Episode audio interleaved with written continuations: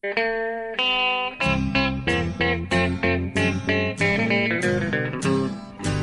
out there, we're on the air. It's hockey night tonight. Tension grows, the whistle blows, and the puck goes down the ice. The goalie jumps and the players bump, and the fans all go insane. Someone roars, Bobby scores at the good old hockey game. Oh, the good old hockey game is the best game you can name. And the best game you can name is the good old hockey game. Hallå, hallå, hallå! Hallå allihopa! Det, det är dags för NHL-podden igen. Och den här veckan så är det avsnitt nummer 80, 85. 85. 85, det, det måste vi ha koll på. Eh, du Bjurman, hur är Mm. läget? Eh, Hur är läget först och främst? Ja, det är väl inte hundraprocentigt. Jag är eh, väldigt trött. Sena nätter, tidiga morgnar, svårt att sova och eh, nu är jag också lite småförkyld. Eller så är jag förkylning som inte riktigt bryter ut. Eh, måste vi hålla stången på något vis. Jag tror jag tar några whisky här till, till podden idag. Du gör det alltså? Nej, det gör jag inte, men jag Ja, det- borde göra Det har ju funkat för mig som du känner till. Ja, då skulle det, då skulle det bli åka av här. Det skulle det? Ja, jag har en känsla av det. Ja, men eh, det jag tänkte fråga egentligen när, när jag kom på att det var avsnitt nummer 85 så finns det faktiskt bara en i NHL med det numret. En hyfsat, Jaha. en hyfsat framstående spelare. Inte top notch på något sätt men... Eh, Ska du and- börja så? Det var, det var inget... eh, Ja, okej. Ja, en, nej, säg då. en fräckis. Ja, du, har, du har det inte på tungan misstänker jag. Nej. Eh, ja, det är ju en av 150 personliga favoriter för Örbysonen. Här. Eh, det är Mathieu Perreault. Okej. Eller Matthew ja. Perreault kan man säga, på lite mer. Ja. Nej, jag tycker han är Winnipeg eh, ytterforwarden, center från början. Jag gillar han. Slog igenom lite grann eh, i typ fjärde, tredje linan i Caps där. Han inte riktigt fick chansen att blomma ut. Och så gjorde han ett bra som... Han gjorde bara ett år i Anaheim som typ tredje center och gjorde ganska mycket poäng också. Sen så har det tagit lite fart här. När han fått topp 6-roll och spelar mycket powerplay i Winnipeg.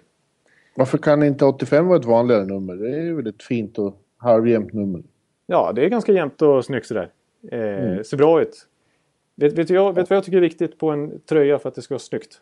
Alltså såhär, Nej. vilket nummer man ska välja. Man ska välja ett nummer som... Och det här, nu, är, nu inser jag när jag säger det. Jag är ex, extremt arbetsskadad alltså, Av att sätta rubriker och sånt där. Där, där alltid är så viktigt att det ska vara jämnt och li- linjera och så. Eh, jag, jag tycker nämligen att, att, att det är snyggast när, när, när namnet linjerar med numret. Typ såhär. Taylor Hall nummer fyra, det är ju snyggt. Liksom. Kort efternamn, en. En grej. Ja, liksom. ja. Eh, Le Cavalier nummer fyra, funkar inte alls. Inte snyggt. Nähä, vad ska han ha då? Ah, han ska ha något, eh, han ska ha 85 eller något sånt där. Brett. Fett. Han ska inte ha någonting snart. Nej, han ska inte ha någonting. Nej, han ska inte ha. Han ska vara scratchad. Och, nej, det, det, det hade du en väldigt bra poäng. Nej, så att, eh, Sorgligt ja. eh, att det har gått så illa för... Han var ju fantastisk en gång i tiden. Som ju du mycket väl vet. Jag vet ju mycket väl det att han, han var en, en mycket skicklig storväxt men powerful och liksom snabb och eh, spelskicklig. Ja, en riktigt bra center. Vann eh, poängligan. Ja, Eller, ja. eh, vart, fick pryda eh, framsidan på NHL EA-spelet 2006 eller sånt där. Faktiskt. ja, säsongen 06-07 kommer jag ihåg att han hade vunnit eh, poängligan. För då var, dök han upp under finalen och fick ta emot eh, den då. Eh, eh, ja, jag är så seg i huvudet. Ja, Vad det- heter... Ja, det, Vad det, det, priset är den som gjort mest poäng. Eller mest. Ja. Ja, men det heter ju något. Art Ross heter det så. Art Ross, Ja. precis. Där klämde vi fram det. ja, nej, han var, han var ju en fantastisk spelare. Alltså, han var ju bra ända fram till eh, vi säga 2010 eller någonting. Men, men sista å- åren i Tampa där hade han ju stora, stora skadeproblem. Och det var ju det som har tagit ner hans fart. Och det har jag varit inne på nästan varje avsnitt ska jag säga i den här 85 avsnittiga poddhistorien. Att, att eh, fart är det viktigaste i dagens NHL. Ja, och att det, är- om du inte, om äldre spelare inte eh, håller sig, eh, underkastar sig rigorös, eh, rigorösa förberedelser så går det åt skogen. Precis. Eh, då går det som för eh, Danny Hitley och nu Le Cavalier. Mike De Richards. hänger, ja, de hänger inte med. Nej, precis. Eh, det är bara att konstatera att så är det. Men du, eh, vi har... Eh, Hur är det annars då? Ja, men hur, Hur är det annars? med dig? du frågar mig och jag är sådär. Eh, Ja, 85 procent. 80, 85 ja, snyggt. Eh, nej men alltså jag ligger väl på hyfsad eh, en nivå känner jag hur- med mina förutsättningar. 3 plus. 3 plus. Skulle jag säga. Det, 3 plus är ju är väl bra i vår betygsskala tror jag. Så det, är- det, Ja. det, då får, det köper jag. Men jag tycker du för ofta är 4 plus. Mycket bra. Mycket bra. Ja, tack. Några gånger 5 plus. Världsklass. Världsklass ja, ja precis. Ja, det kan nog, det kan nog hända. Kanske. Ja, jag är mer 2 plus idag. Alltså. Du är 2 plus, men du har ju en högsta nivå som är Glenn Hysén 6 plus. Nej, nej. Där, där krävs det ju något alldeles extra för att man ska få den. Så är det ju. Ja. Men, jag eh, har, eh, det var när vi... Det har ju hänt några enstaka gånger att man sprängt betygsskalan uppåt. Jag har faktiskt sprängt betygsskalan neråt en gång. Har du det? Eh, I, ett, I en recension. Så hade två minus. Två minus, det har jag aldrig hört talas om. Då är Michael det... Bolton, Michael Bolton på Globen fick två minus. Fick två minus alltså. Oj, oj. Shit. Är det här något man ska youtuba eller är det traumatiskt? Eller? Nej, nej. Det tror jag inte finns. Alltså ja, det är alltid traumatiskt att höra Michael Bolton för sig. Okej. Ja, Ja, det ska jag inte göra. nu, kommer vi, nu har vi off topic så det heter duga här. Ja, det, det skenar iväg lite där faktiskt får jag säga. Men, men eh, jag gör en liten segway här då. Apropå 6 plus. I alla fall 5 plus, världsklass. Det är det minsta uttrycket man kan nämna. Om en kille vi tänkte lägga lite fokus på så här i podden idag. Och det är ju Eric Carlson. Ja, Det måste man ändå säga. Eh, som gör en... Alltså, när han pratar med dig så tycker jag, då säger han ju alltid att han är, ah, han är inte hundraprocentig. Det har inte varit någon sådär jättebra säsong. Eh, Nej. nej, jag har långt kvar när skadan eh, bekymrar mig fortfarande. Och, nej, jag kan mycket bättre. Och så har han gjort Ja, 32 det- poäng på 28 matcher. Och ligger fyra Ja. poäng i ligan. fyra poängligan leder backarnas poängliga, le- leder svenskarnas poängliga. Eh, Ja. och eh, ja, eh, men så har det hetat ända sedan han kom tillbaka från den här svåra skadan att han känner sig inte precis lika, eh, likadan som innan. Han Nej. säger att eh, känslan i liksom skridskoåkningen är inte densamma. Eh, ja, eh, alltså frågan är ju hela tiden vad händer om den dag han kommer tillbaka och känner sig hundraprocentig. För han är ju, han är ju fantastisk. Alltså det var ju några matcher här när han gjorde tre poäng. Ja, Eh, två, match. två matcher i rad. Ja. Och eh, hade 20 poäng på 12 matcher där. det är ju helt fullständigt sjukt i dagens NHL faktiskt. Eh, Ja. Det är ju snudd på Patrick Kane-klass som, som läget är just nu. att, att, eh, att ha en sån svit ändå. Ja. Men, eh, och, och apropå Patrick Kane, jag kanske fick upp han helt plötsligt i hjärnan här för att eh, det var ju i den där, en av de matcherna för, i helgen som, som gick, när de mötte just Chicago. Eh, Karlsson i allra högsta grad låg bakom avgörandet. När han Precis. hamnade i en skridskoduell, en renodlad duell med, med Kane, vem som var snabbast skulle liksom sticka iväg. Och det var ju utklassning. Ja, Och sen led han ja in det till Mike Hoffman undan. på mål. Han, de, de swishade ju förbi Ottawas bås där. Så att, eh, Dave Cameron, coachen, fick frågor efteråt om, om han eh, fick eh, vindskador i ansiktet där. Men han sa att nej, ögonen tårades så fort gick det. Ja, ja men det... Ja, det var då han... Eh, det var ju övertid då. Han slog eh, en fin passning till Hoffman var det väl tror jag, som avgjorde. Matchen därpå så fick han själv en passning i, på övertid, samma slags läge. Ja, det är två mot etta kan man säga. Ja, och dunkade in den. Ja. Och så eh, har han ju uttalat sig efteråt här. Ja, men det, är, det här med tre mot tre, nej, men det är ganska kul. Ja, det, det, det frågade jag också då. Han, han, fick, han, han, han kritiserade ju tidigare under säsongen 3 mot 3 att det, det var onaturligt och det kändes... Han fick spela för mycket och allt vad det var. Men eh, nu, sa han, nu sa han att ja, det där sa jag bara när jag inte hade kommit underfund med hur man skulle göra. Nu, nu är det kul när vi vinner. Ja, det är väl lite så. Nej, precis. Han och Dustin Bufflin blev väl lite affischnamn för motsidan där. Ja, Eh, Men nu, å andra sidan så eh, då beror det väl mest på att de förlorade massa övertider där i början. Eh, Ottawa är ju det lag som har spelat, det här vågar jag i och för sig inte slå fast eh, rent statistiskt, men jag kan nästan tro att de, de har spelat mest övertid hittills. De är väl uppe i 11 övertider hittills. jag tror att Detroit är ännu värre. Detroit är ännu värre. Ja. Detroit gör ju inte annat än att spela över. Nej, varenda, varenda match pågår 65 minuter. ja. Men, Men, eh, ja, ja, så Erik, jag vet inte vad man ska säga. Det finns ju nästan ingen som är roligare att titta på. Det skulle vara Klingberg då. Ja, och Kane förstås. ja. Eh, men alltså, hans skridskoåkning är ju ett, eh, ett av världens underverk. Ja, ja faktiskt. Nej, det är alltså.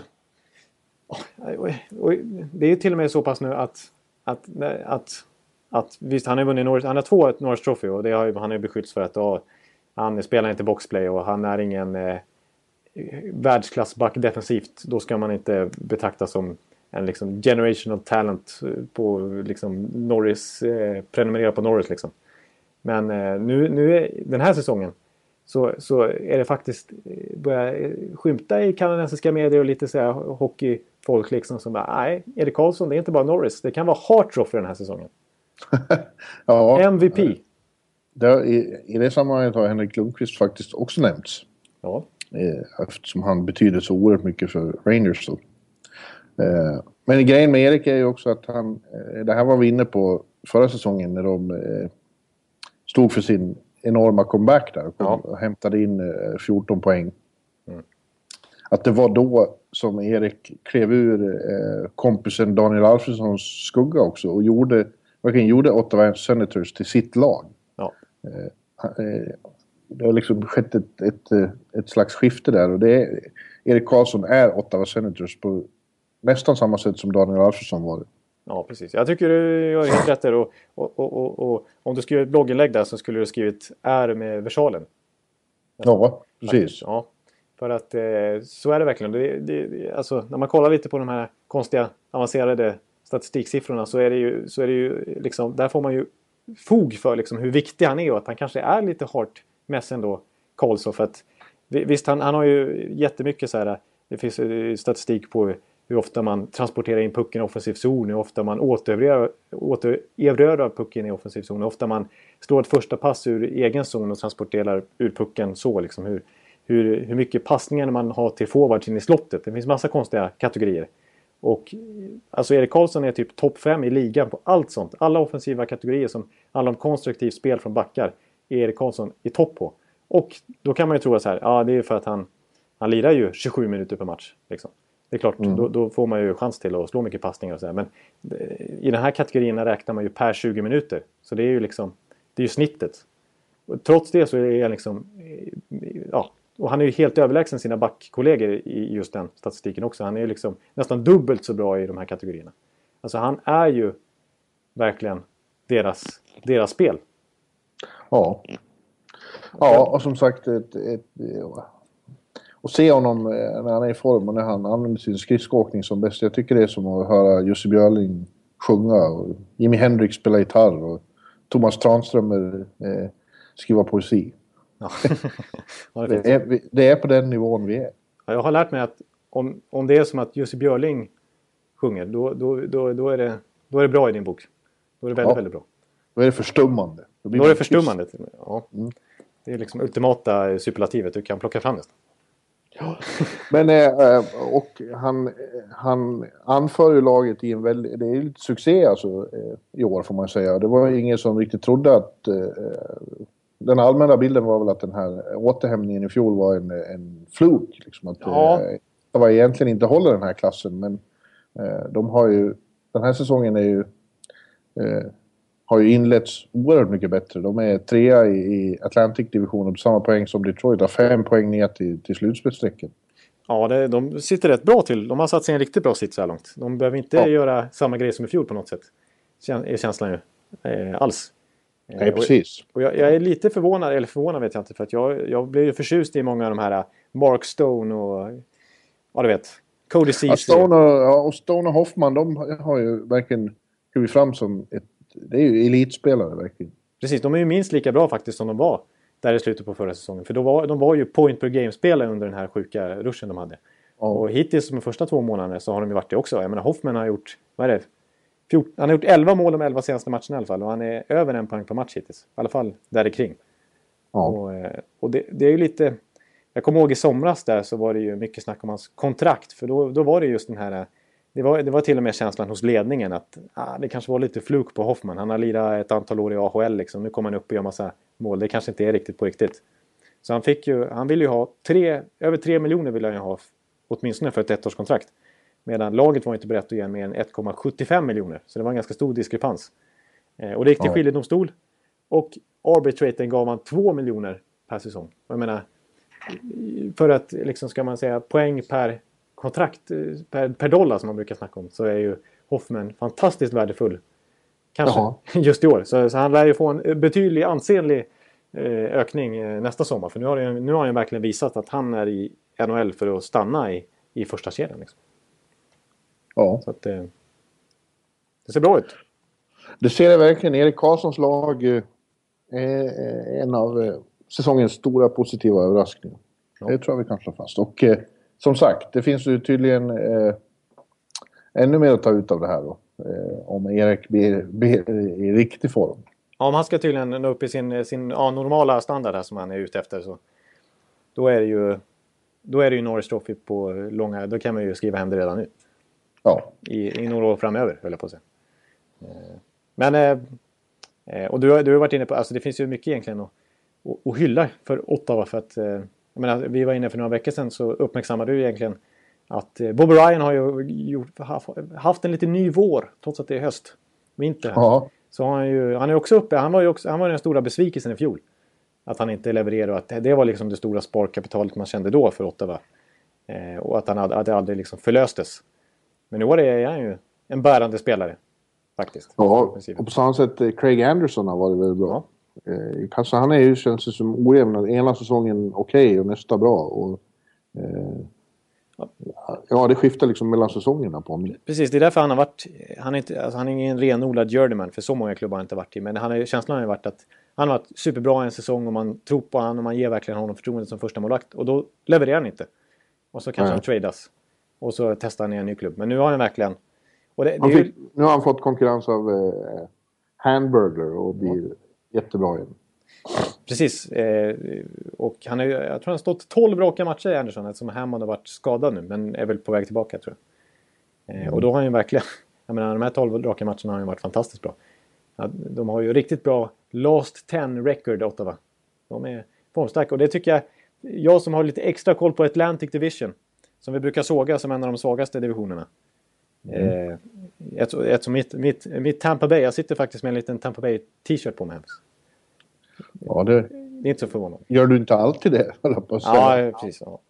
Eh, där, det är ju, det, det, där är ju många lag som har underpresterat. Inte minst Tampa Bay. Och det, trots det så har ju Tampa Bay fortfarande varit med i racet för att de andra lagen inte har levererat. Men nu får man nästan vända lite på det. För det är väldigt många Atlantic-lag som har bra record senaste veckorna här.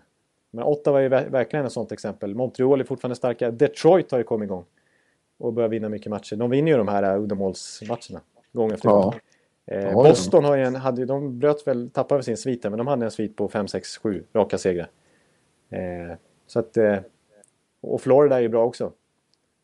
Så att, eh, De är ju det. Och det jag, måste, jag ska nämna det om Ottawa också. Att, eh, I den mån någonting påminner om i fjol så är det ju att de, eh, man återfår bevis på bevi- bevis på att det finns väldigt mycket karaktär i laget. För de är ofta bra i tredje perioden och hämtar in eh, underlägen och så. Det, det kan bli några jävla ruscher i, i, i sista perioden när de tar över matcherna och kommer tillbaka och vänder och så.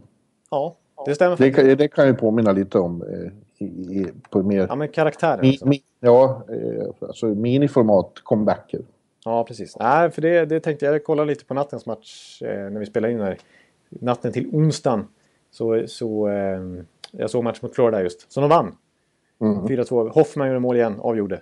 Eh, då såg jag framförallt början av matchen. För, och så här, tänkte nu, nu ska jag kolla in Ottawa lite extra. Men, men inte imponerad. De spelade trögt, dåligt. Jag tyckte Florida hade mer fart, mer inspiration.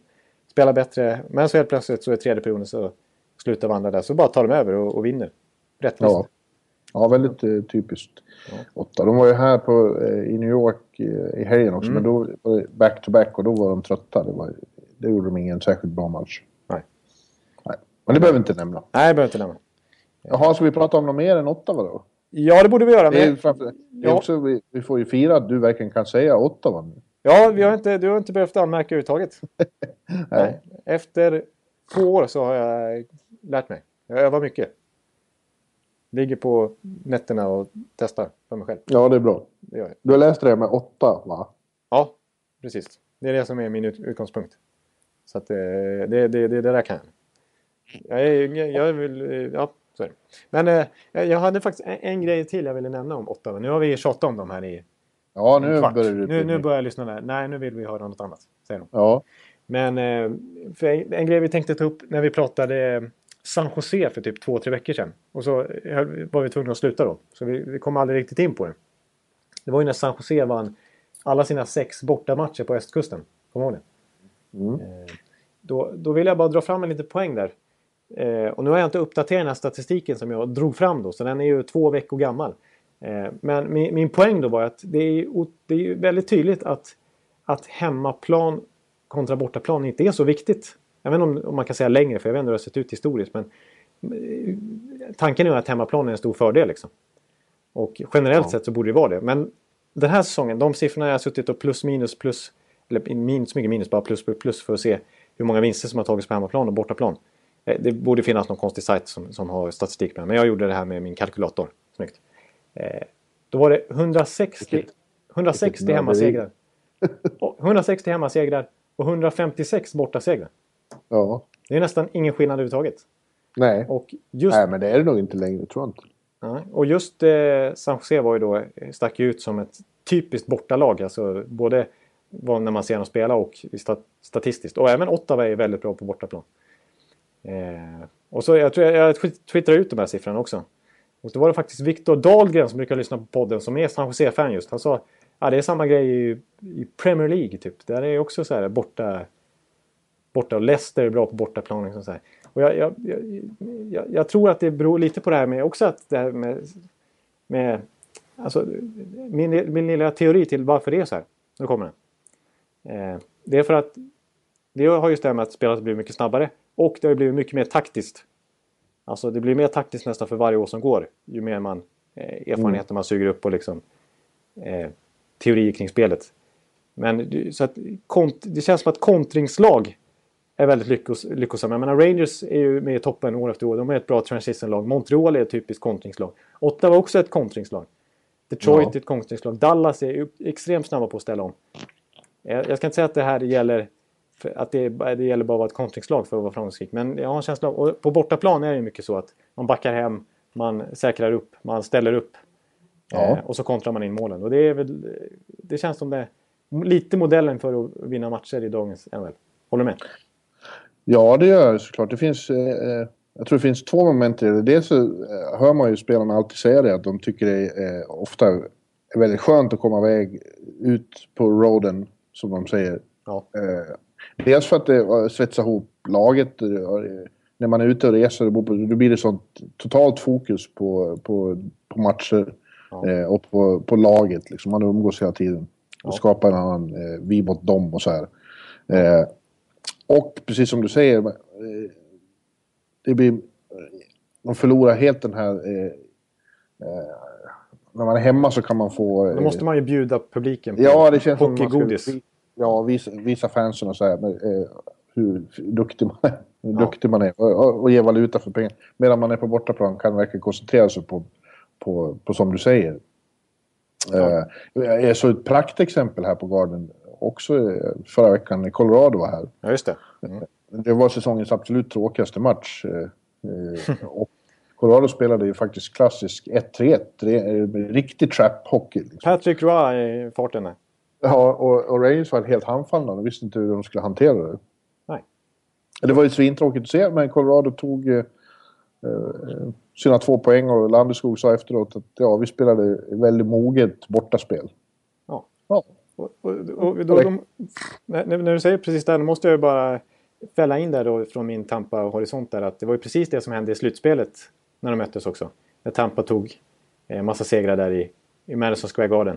Det här var Colorado så? Jo, jag vet. Men, men, men då, då, var det samma sak för Rangers där. Att de blev handfallna när Tampa märkte att det funkar inte att spela sin snabba fartfyllda hockey på bort, liksom i Madison Square Garden. Utan då måste de backa hem och förlita sig på kontringen. Det var precis det, så de matcherna såg ut. 2-0-segrar gånger två. Varför? Ja, inte, inte minst Game 7. Då var också Rangers här. Ja, de kom ingenstans. Nej, de visste inte vad de skulle göra. För de helt plötsligt mötte de fem man liksom.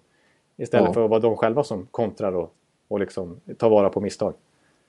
Ja, att, eh, ja då Colorado här nu, det var, det var lika trångt i, i, i mittzon och i Colorado-zon som, som eh, på trottoarerna kring, kring eh, St. Patrick's Cathedral i rusningen. Så pass alltså? Ja. ja då, då, då, då går det inte att, att göra några läckra mackor där inte. Nej. Då är det bara att dumpa och hoppas. Ja. På det. Ja. ja. Där, har vi, där hade vi en iakttagelse. Ja, en liten... Men det är otroligt nörderi att du sitter med kalkylator och gör det här själv. Fantastiskt. Ja, det, det, det, det är inte helt... Eh, helt Man känner kanske, eh, Jonathan, du borde lämna Örby och gå ut någon kväll och så. Du tycker det? ja, kanske. Ja, jag, är inte, jag är inte jättestolt över att påtala sådana här grejer. Jag skulle ha hållit tyst. Jag skulle sagt att jag hämtade på någon konstig sajt. Usch. Ja. ja. Men eh, eh, du, vi, vi ska ju prata LA Kings. Ja, ska vi. Ja, men vi kör lite... Eh, för de har ju faktiskt... De är ju en, en maskin i år igen. Ja, ja, i år igen. De är ju mer grundseriemaskinen de har varit ja. Ja, kanske Nå någonsin, någonsin tidigare. Ja. ja. Och tänk hur det kan bli. De började så, så kraftigt och vi tänkte oj, oj, oj, det här som hände i fjol var ingen tillfällighet. Det är problem nu med Darius Sutter och laget. Ja. Men efter fem, fem knackiga matcher sen har det bara varit eh, enastående. Ja, precis. Alltså det är ju exakt. Det var ju verkligen så att vi, vi satt och spekulerade i podden att eh, nej, Darius Sutter, han blev nog den först, första coachen ja. att rycka liksom. Det var ju verkligen, ja. kändes ju nära. Eh, det var ju så otroligt, det kändes som att det var så dålig stämning kring hela laget och allt det här som har varit under off-season som har påverkat negativt. Och Anse Koptas kontrakt och det var, man hittar massa argument för att det här kommer ju bara... Den här negativa spiralen, den kommer fortsätta. Men eh, nu är de ju... Nu är de ju typ the team to beat här känns det som. Ja, det känns som. Eh, Dallas har ju mer poäng och är kanske, ja de är roligare att se och deras offensiv ja. liknar ingenting. Men eh, Los Angeles känns som ett mer... Eh, vad ska man göra, alltså gediget lagbygge ja. i alla delar. Framförallt något som funkar i slutspel. Ja, exakt. Fem, fem raka nu. Ja, det där är ju eh, det anmärkningsvärda här. Vi har ju pratat många gånger genom åren här att de är såna bohemer och, och bara tar sig igenom grundserien och kommer till slutspel ofta eh, på nedre halvan och inte får hemmaplansfördel och så. Nej, exakt. Eh, men nu spelar de ju faktiskt, när de är som bäst, den, den hockeyn eh, även här i november, december. Ja, ja precis. Ja, jag är lite förvånad. Det känns som att det är någon slags... Eh, eh, till slut här kommer en motreaktion på förra årets debacle där. Att nu vill de verkligen... Nu har ja, exakt. Fått det känns och vill visa. De... Liksom, vi, är visst, vi kan visst eh, dominera grundserien också. Liksom. Men vi ska inte sätta oss i den här situationen igen. Liksom. Ja, det känns som det där revanschbegäret hämtar de mycket näring ur oss. Ja. Det, det är många av de här Eh, det är många som går bra. Bra spelare. Till, till och med Milan Lucic har faktiskt eh, ser helt okej ut. Han var ju så otroligt dålig i början där, precis som hela laget. Kändes ja, som... han har akklimatiserat sig till södra Kalifornien. Och, eh, som man kunde nästan känna på förhand att han det är ju, eh, borde vara en väldigt bra fit i det här laget. Ja, han känns ju som urtypen av eh, deras speltid lite grann. Han är ju en ja. Daryl Sutter-favorit liksom. Ja, han är hård och, och, elak och så, men samtidigt är han ju eh, mycket bättre än... Eh, han är mycket bättre hockeyspelare än vad han får cred för. Ja, ofta. precis. Han har bra skott, bra snärt. Han har, han har rätt bra spelsyn också. Ja, och snabbare än vad det ser ut. Det kommer jag ihåg Niklas Hjalmarsson eh, poängterade när, när de möttes i finalen 2013. Efter första matchen så sa han det att... Eh, ja, man tror, det var den där kedjan med eh, Lucic och, och Krejci och... Vem var det mer? I Ginland var det det eller? Nej, han spelade med Bergeron. Nej, mm. Var det förstås inte. Han var ju i Pittsburgh då. Och det var ju inte Martian, för han brukar ju spela med Bergeron. Och det var precis, ja, skitsamma. Han, mm. han sa för att man, man ser inte, man, är, man tror inte att de är så snabba, men det går, det går otroligt, det går undan. Ja, jo. Han är... Ja, och sen har vi, du nämnde väl redan förra veckan att Drew Dowdy har en enastående säsong här på backen. Och just Lucic sa häromdagen att eh, eh, om det inte var så att eh, LA Kings alltid spelade sina hemmamatcher när klockan är 10 och 10.30 på östkusten så skulle Dodari ha vunnit ett par Norris Trophy redan. Ja, alltså jag måste säga det. Jag såg, jag såg han härom, här, härom natten en hel eh, Kings-match. alltså Dowdy... Ja visst, Erik Karlsson är ju... Han är där på Erik Karlsson-nivå. Alltså, det, det, är nästan jämnt skägg i Norris-racen då. För det, alltså grejen med, med Dowdy är att han gör ju absolut inte lika mycket poäng. Det, det, det har han ju aldrig gjort. Han, han ligger ju på 40-45 poäng per säsong. Mm. Oftast inte mer. Eh, men alltså hans, hans enorma förmåga att spela sig ur varenda situation i defensiv zon. Och skapa tid för både sig själv och motståndare, eller medspelare förstås. Eh, och liksom vända åt rätt håll hela tiden och vara helt omöjlig att ta pucken ifrån och alltid komma ur zon.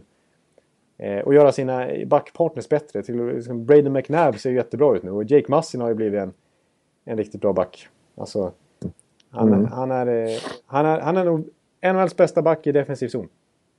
Ja. ja, och det där eh, som eh, Milan då sa om att eh, Los Angeles spelar så sent beror ju då på att eh, majoriteten av de som röstar i, i NHL Awards, journalisterna, håller till här på östkusten i den här tidszonen. Och många orkar inte vara på att se matcher så sent. Nej, så de ser för lite av honom helt enkelt. De sitter och knappar på, för... på sina matchtexter medan Kings börjar spela liksom. Ja, och eh, noterar inte sådana här saker som du gör om hans förmåga att ta sig ur alla situationer. Ja, precis. Det ligger honom till last. Det är lite olyckligt förstås. Ja, exakt. För att de, de, de kollar ju mest på att ah, han gjorde bara 45 poäng i år. Det är ju inte lika mycket som...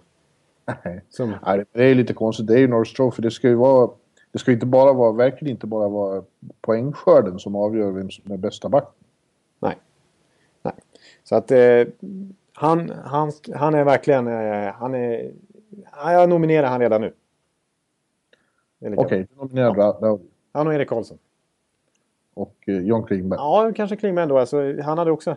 Det var ju fantastiskt många vinespann från, från matchen mot Carolina här. Hans sjuka liksom uppåkningar och passningar från, från defensiv zon. Han var en sjuk man. Han var, hade en riktig... Eric Karlsson at best natt. De är ju väldigt lika de där två. När det ja. gäller offensiva spelet. Alltså. Men jag vill slänga in eh, Oliver Ekman, Shea Webber som gjorde hattrick häromdagen och uh, hans partner Roman Josie i den här diskussionen. Ja, Josie är också en sån där äh, extremt skridskoskicklig, spelskicklig, mm.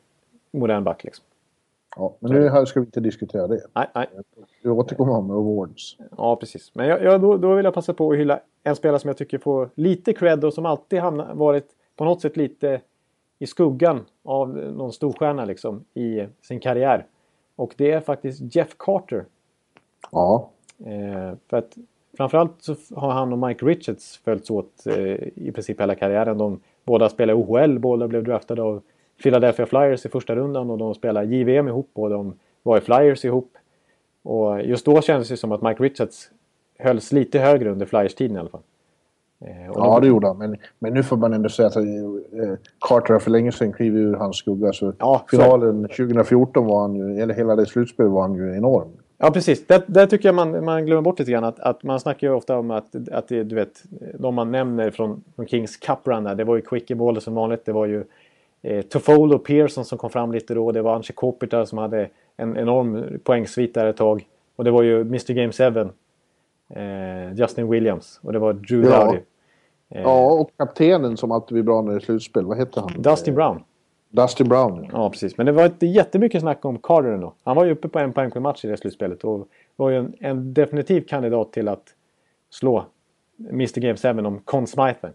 Ja. Men det är klart, det var ja, lite absolut. spektakulärt att, att, att, att, ta Williams där med tanke på att han avgjorde så mycket avgörande matcher. Men eh, Carter, han har också en, en, riktigt fin säsong nu igen. Han har också en fin poängsvit just nu. Han är steket just nu, men uppe på en, på, en poäng per match. Eh, han är ju, Men eh, jag, skulle, jag kan jämföra han lite grann med, eh, som vi började podden här, med Le Cavalier när han var som bäst. Alltså, storväxt, typisk kanadensisk, lite ruffig, råbarkad center som ändå är ett spelgeni liksom. Och ändå lite shoot first men, men med bra spelsinne och bra blick och bra passningsspel också. Och mm. eh, just nu är det ju en riktigt bra kedja där med Lucic och Pier, eh, Toffoli. Pearson har ju blivit petade från That 70s Line. Det är ju en, alltså den kedjan i ett slutspel vill man ju inte möta. Lucic, Carter, Toffoli.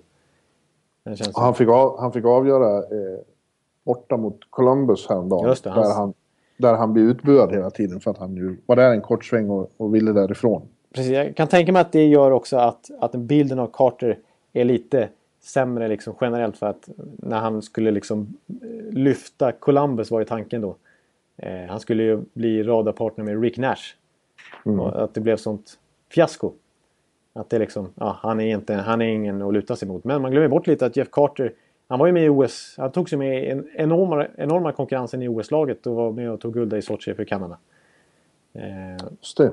Och vi fick en, en, en lyssnarfråga veckan. Så här, vilk, vilka, vem ska man peta av de kanadensiska centrarna? Och så var det rad, rabbla, jag kommer inte ihåg vem det var. Eh, som, som, som kom med förslaget med massa namn. Det var såklart Crosby och Giroux, Stamkos, Duchene, Bergeron. Hela gänget. Men det var 9-10 namn där, men inte Carter. Jag tycker, jag tycker Carter är ett namn för Kanada i World Cup. Ja. Snack om det. En mycket, mycket bra spelare. Mm. Columbus ja. Där har du ett lag som har enorma problem på hemmaplan. Ja, det, det sa ju en, en mycket vredgad eh, John Tortorella. Back in eh, gammalt fint slag. Ja. Efter, efter den där matchen när de tappade 2-0 mot Los Angeles så, så han completely embarrassed. Nej, han kunde inte... Precis, han var ju... Han skämdes över hur, hur, hur dåligt de uppträdde. Och att, ja. Hade det inte varit för Bobrovski borde vi ha förlorat med 5-6 mål alltså. Ja. Ja. Ja du, Columbus som vi trodde skulle eh, ta det här steget i år. Nu har de ju några gånger tidigare haft såna här enorma sviter under andra halvan av säsongen. Men eh, som det ser ut nu så blir det ju inget slutspel för Columbus i år heller. Nej, vi slår fast, eh, jag slår fast i alla fall att Columbus, nej det skiter sig. Det, det, det håller, höll inte det här bygget. Eh, det har krackelerat. Vi har ju sett Brandon Saad nere i fjärde kedjan nu av Tortorella. Ja. Och den här Ryan Johansson situationen tycker jag känns olustig. Han verkar inte ja. ha någon bra relation. Alltså det, det är ju någonting som skarvar där. Liksom. Eh, skaver. Skaver, skarvar säger jag. Det, det var olämpligt. Ja. ja, men nu kommer vi ifrån eh, ämnet Los Angeles mm. Kings där. Vi kan väl konstatera att... Uh, ja, som du sa. Det är de man ska slå i, i väst. Ja. Och, och, och med, med den lilla haken att...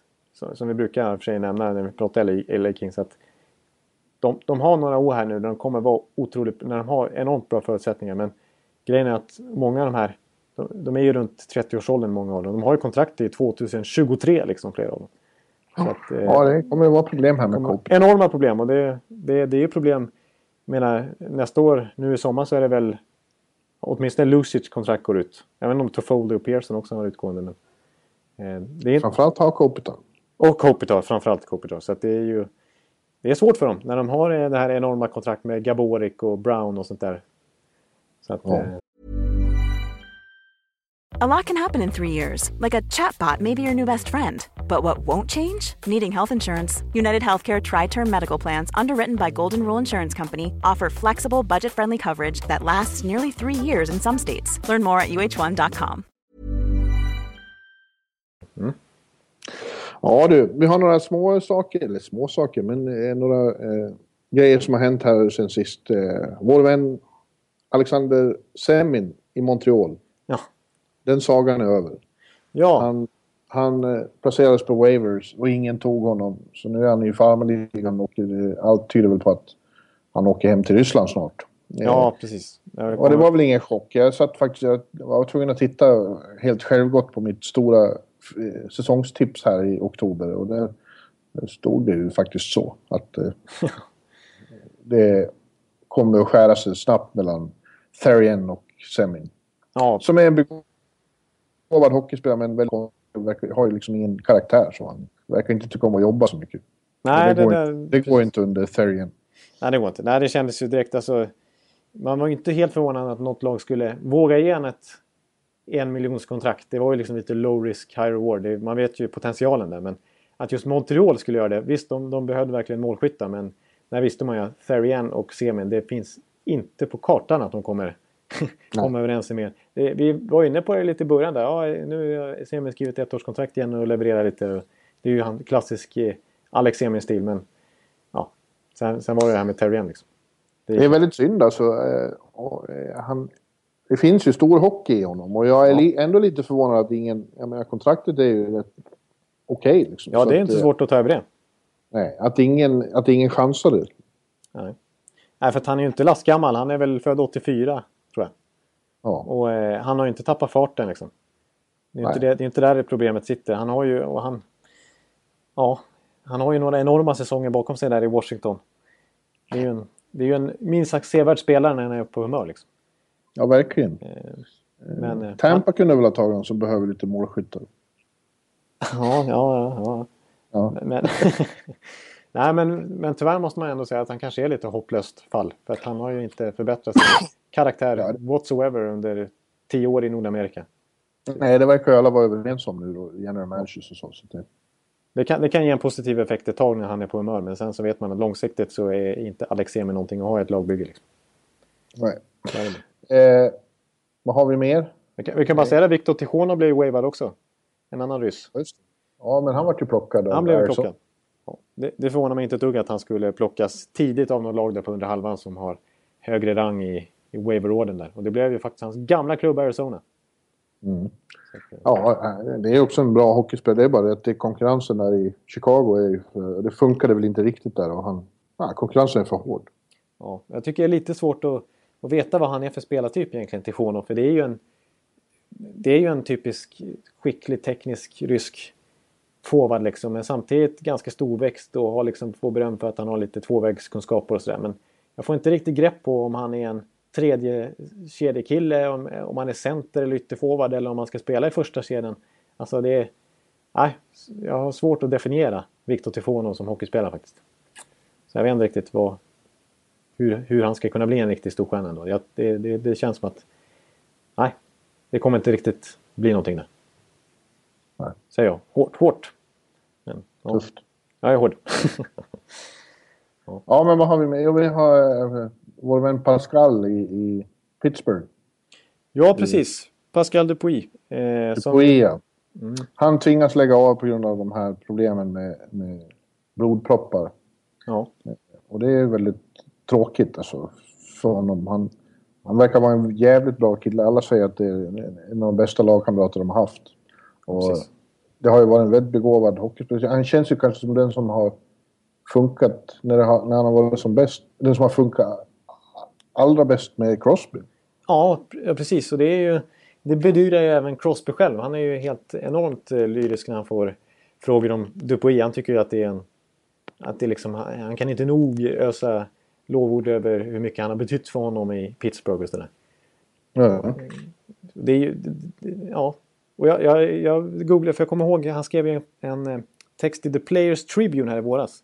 ja, just det. Jag Väldigt skulle- bra text. Ja, precis. När jag skulle googla fram den, då kom den upp, eh, liksom snuttade ur den översatt på svenska av Per Bjurman.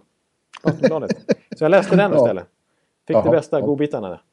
Och Ja. eh, ja, det var ju fantastiskt. Den, den rekommenderar jag att läsa. Alltså, han, han har ju enorma citat där hur, han- hur han beskriver Alltså att eh, eh, till exempel han, hade ju, han hade ju en extremt otursår där när han Crosby bröt benet på honom. Han, Crosby ramlade ju på honom på något sätt i någon match där så att han, så att han beskrev det att allting, korsband, eh, menisker, eh, allt vad det heter, ledband, det Ja. var, gick ju braka ihop. Och, men han skulle minsann inte bli utburen på bål för han lärt sig att man blir bara utburen på bål om man brutit båda benen. annars, annars så får man ju faktiskt eh, visa att man har lite bollar, på att säga. Ja. och eh, eh, kort därefter så började han känna smärtor i, i, eh, i bröstet då, som visade sig vara de här blodpropparna. Eh, Ja. Men det vill han inte eh, det vill han inte avsluta. Han sa att äh, det är nog någonting med revbenen från den här Crosby-skadan. Ja, han hemlighöll ju det där och har ju gjort allt han har kunnat på gränsen till i, dumhet emellanåt Ja. för att kunna spela vidare. Exakt, för det sa han ju sen. Han gjorde en enorm insats på sommaren där för att komma tillbaka i form och kunna göra comeback. Dels för de här blodpropparna och dels för sitt skadade knä. Så han, han låg i som bara den för att komma tillbaka i, och, och vara vara samma spelare igen förra året. Eh, Men då, då började han känna de här smärtorna igen. Han, fick, han hade blodpropp i lungan igen. Men spelade fem matcher. Fullständigt Ja. livsfarligt. För att han visste om han skulle liksom avslöja det här. Då kommer läkarna säga nu måste du lägga av. Så han, han vågar ju inte erkänna det för sig själv. Till slut så, till slut så var det bara att konstatera. Jag kommer ju, det går inte att fortsätta. Och så han varit Ja, bort- han eh, ramlade ihop på en träning. ja. Eh, ja, just det. Så, så pass var det. Det var ju riktigt dramatiskt där. Ja. Eh, Och så har han jobbat jättelänge på att komma tillbaka men nu, eh, de här problemen försvinner inte. Nu har han tagit sitt förnuft till fånga. Det går ju faktiskt inte att riskera livet för att spela hockey. Det vore inte nu ännu. Nej, precis. Även om han är inne på att han är minsann odraftad och har tagit sig till den här positionen bara genom sin inställning och vilja. Ja, Men- ja det är imponerande. Så, så är det ju verkligen. Men- Men, han är ju fyrabarnspappa. Liksom. själv. och- Ja, måste ta hand om sin familj. Och pengar har han fått så han klarar sig. Ja, precis. Så att han kan liksom inte offra, offra livet för hockeyn längre. Det går inte. Nej. Så att, eh, det är ju djupt tragiskt men ett korrekt beslut och det är ju ingen som ifrågasätter det naturligtvis. Att han är glad. Även om han, eh, han har ju försökt, det har varit en liten story pågående hela, hela säsongen här. Det var ju eh, så sent som här i början av december som han, han lämnade en match mot San Jose.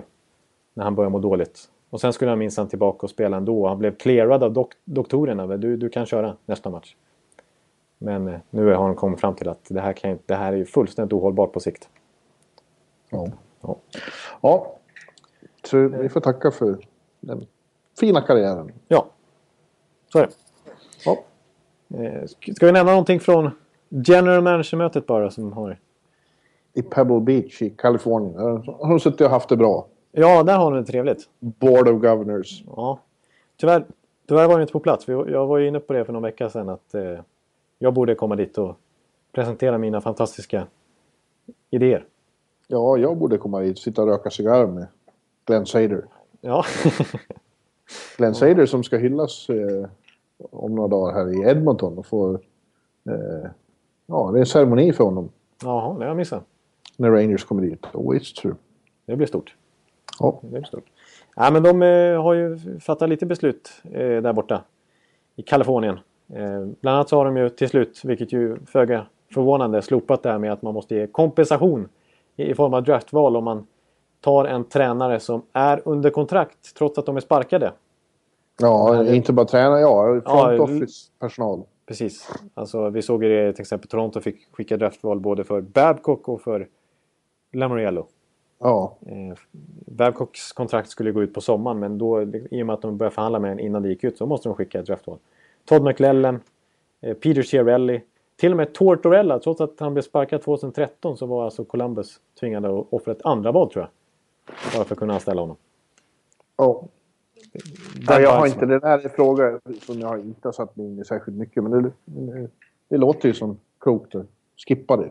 Ja, precis. Alltså, så länge, nu är ju regeln som den var förut där, helt enkelt att om... Alltså, ska man prata... Ska man, vill man anställa en tränare som, som är under kontrakt trots att de är sparkade, då måste man be om tillåtelse från den klubben. Eh, Ja. Då måste till exempel Columbus fråga Vancouver om det är okej. Och förmodligen säger Vancouver ja, jag gör det. Eh, men de behöver inte offra någonting för det. det är bara, de måste bara ställa frågan. Och få ett ja till svar. Så det är väl rimligt. Ändå. Det är bra. Eh, sen har det kommit en, en projection på lönetaken nästa år. Ja, just det. Eh, att det ska höjas, men det brukar vara, lut, låta lite så att, ja, att, det, att det är positivt. Även om kanadensiska dollarn går ner och är lite ostadigt så, här, så, så det brukar ofta vara att lönetaket höjs i prognoserna, men så blir det ofta lite, lite mindre. Men lönetaket nu, som, som de säger på general manager-mötet, det är 74,5 miljoner. Och idag så är det ju runt 71 miljoner, så det är en 3 miljoners ökning i dollar. Det är ganska ansenligt, om det skulle bli så. Ja. ja, det skulle ju vara eh, ren av räddning för många lag. Ja. Oerhört positivt för Stamkos och Kopitar till exempel, om de vill stanna i sina klubbar. Ja, Det kan ju vara avgörande i vissa förhandlingar faktiskt. precis. Men, som många... Så du jublade lite när du såg den? Ja, jag jublade. Oj, oj. Visst. Men, Ja, eh, men det är som du säger, kanadensiska dollarn är väldigt vingrig just nu. Så att, eh, eh, de, måste, de måste anpassa sig till den också. precis, de borde ha lärt sig lite läxor från senaste åren att man kan inte riktigt budgetera ut efter den här prognosen. Utan det blir oftast lite lägre så att man, måste, man får tänka, det kommer ju höjas. Men eh, det kan ju bli så lite som typ 72 miljoner och det är ju ungefär samma som idag. Så att, eh, Tänk den dagen det plötsligt går ner. ja, visst. Vilket kaos. Vilket kaos. Då, blir- då blir det ramaskri där i Kalifornien. När de sitter och Ja. skäller på varandra. Ja, usch. Ja, de är inte alltid i Kalifornien. De är i Florida också. De är ju, vad heter det, vad heter det? Baton... Nej. Inte Baton Rouge, det är det i Louisiana. Ja, jag de vet, är jag bort kände Boca. Raton. Boca Raton heter det. Snyggt. Det är där de är på, i mars va? Eh, ja, jag vet inte om de alltid är på samma ställe, men eh, man hör ofta om Boca Raton. Precis. Och de, Ja, och så diskuterar de ju expansion då och inget, absolut inget är bestämt. De tar sig väldigt försiktigt fram vad det gäller eh, den här idén. Men det, enligt Pierre LeBrun då så var det som den lilla tendens man kunde se att, att eh, Las Vegas ligger närmare än Quebec. ja. Eh, det är den uppfattningen också. Jag, såg, jag har inte läst på jättemycket om det här. Jag såg bara en rubrik precis när jag spelade in där. Eh, som såg lite negativ ut också för Quebecs räkning. Ja. Ja, de är, de är väldigt eh, nervösa för det med expansion så de tar nog ett lag i taget och, eh, och inte behöver...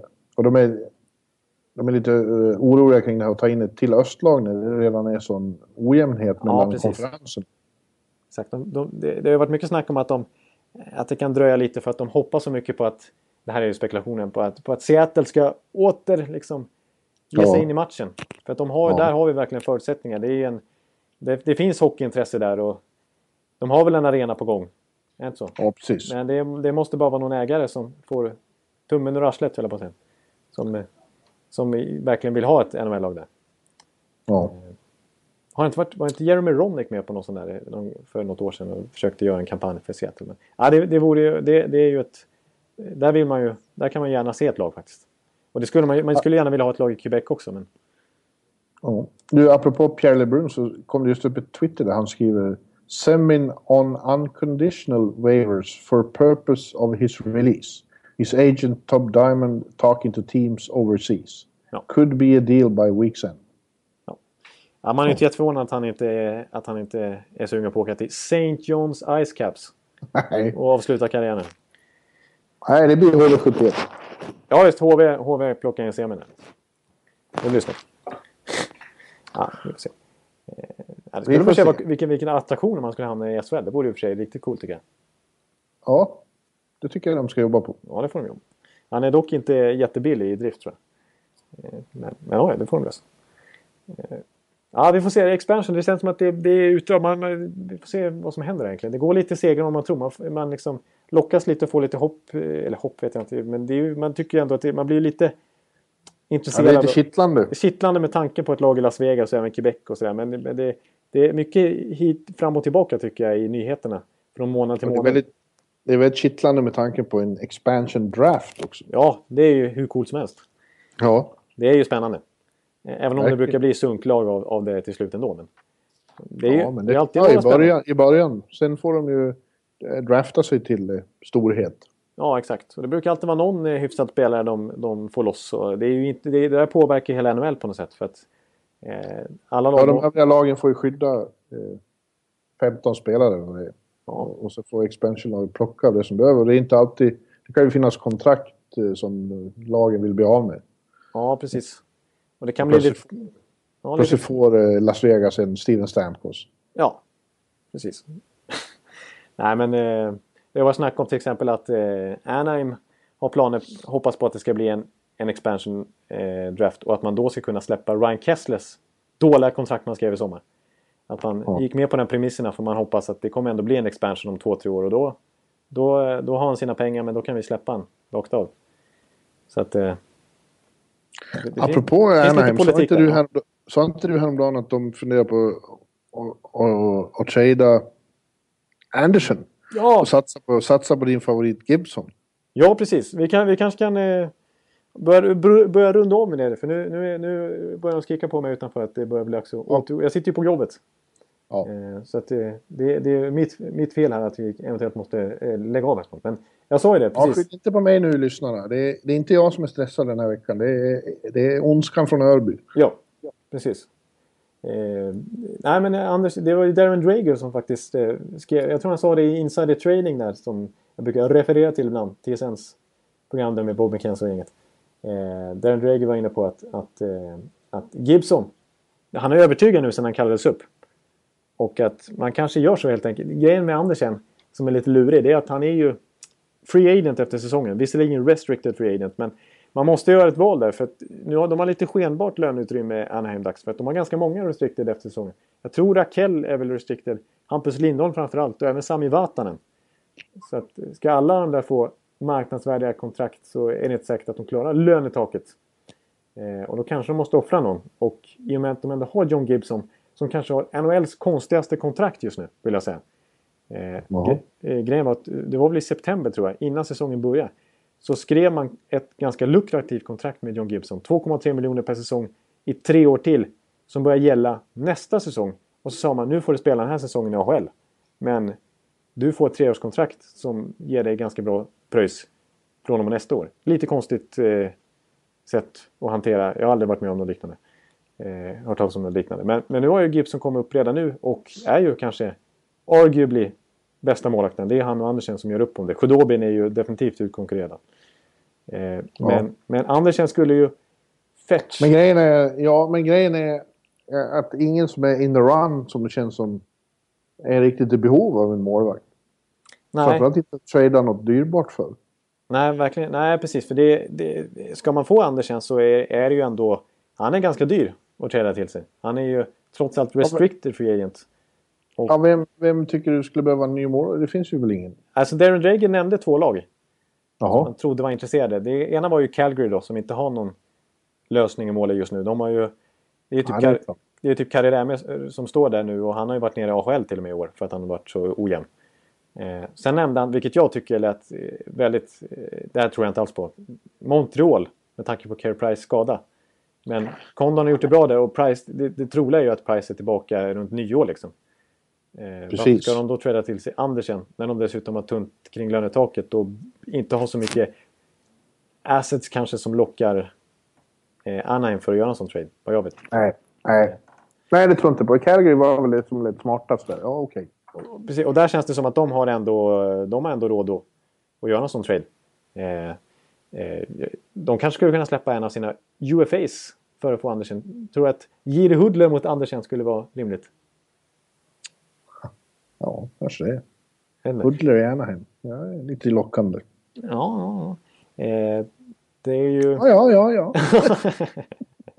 Nej, men samtidigt så måste Anaheim tänka också. Nu ligger de lite pyrt till här så det är inte säkert att de går till slutspel. Men det här är ju ändå, som vi varit inne på hundra gånger, att det, det är dags. Som, det, din vän Holmar där. Eh, det är dags ja. för Anaheim i år.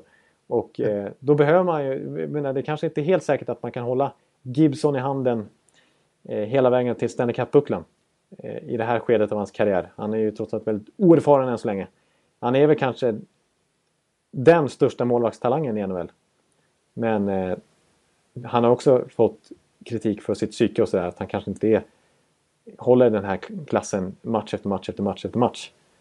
Så att, eh, än så länge i alla fall. Så att man kanske behöver ändå en stabilare backup än Anton Sjödomin när man ändå har Fredrik Andersen just nu. Men samtidigt skulle man kunna få ett riktigt trevligt utbyte för, för Andersen som skulle fylla på andra, andra hål i truppen. Så att, eh, jag, jag ser det absolut inte för eh, omöjligt att vi får se en, en liten mini, mini-blockbuster där. Det vore överhuvudtaget roligt om det, om det blev en trade snart. Man vill ju se lite mer, att det är lite mer rörelse. Men med lönetaket och allas konstiga situation så blir det ju färre och färre sådana eh, mid-season trader. Ja, exakt. Det är väldigt lite sånt. Har vi sett någon i år? Nej. Så, alltså någon större nej. trade? Nej, nej, nej, nej. Och då har vi ändå... Nej, nej, nej.